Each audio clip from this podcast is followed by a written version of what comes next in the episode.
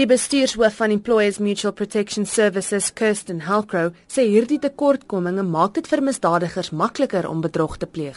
At the moment, I'm not sure why the systems don't talk to each other, and I believe it's a serious shortfall in terms of employee vetting and, and screening applicants because I think it opens up opportunities for fraudulent applications. So we can say we can check whether someone has a criminal record, but we actually don't know whether the person we're checking is in fact the person that applied for the job. Volgens Halcrow is die proses om vingerafdrukke na te gaan op standaard, maar die probleem kom in wanneer 'n persoon geïdentifiseer moet word. I believe that the criminal record checking process is very advanced. We use the South African criminal system. We tap into the automated fingerprint identification system using fingerprints. So we capture applicants' fingerprints, submit them to the AFIS and get results back. So the process is very streamlined, very accurate. The problem that I believe exists is that this system is not connected with anything related to identity. So we're capturing an applicant's fingerprints and we're getting a result, but the result is purely linked to the fingerprints.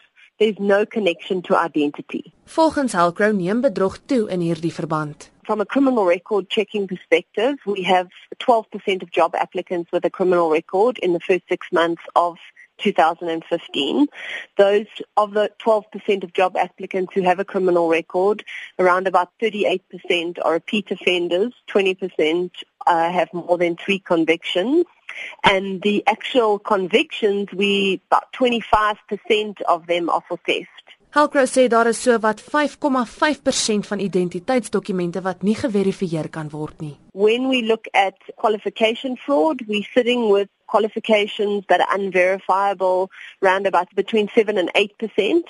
So those qualifications that are unverifiable, that uh, it's for a number of reasons. So either institutions have closed down, they're untraceable, and then there are those cases where the certificates are in fact fraudulent. And ID verification, we're sitting on about 5.5% of IDs that cannot be verified. Again, a number of reasons. The ID was either never issued, the surname doesn't match the ID, or the ID is in fact of a deceased individual. Volgens 'n nasionale polisie woordvoerder, Brigadier Vishnaidu, is die polisie diens se database reeds aan ander staatsdepartemente gekoppel en is die SAPD tans besig met die proses om dieselfde met die departement van binnelandse sake te doen. I won't say we experience any disadvantage. However, if we are linked to the Home Affairs Department, it's going to benefit us in our efforts to combat crime, to fight crime. I think it would suffice to say that we are in the process now. Remember, it's, it's highly technical.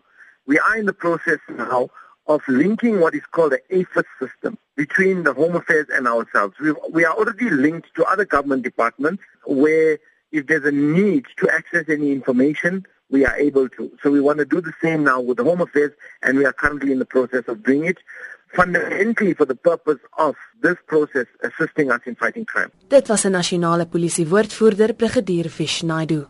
Dianke Nal, SABC nuus.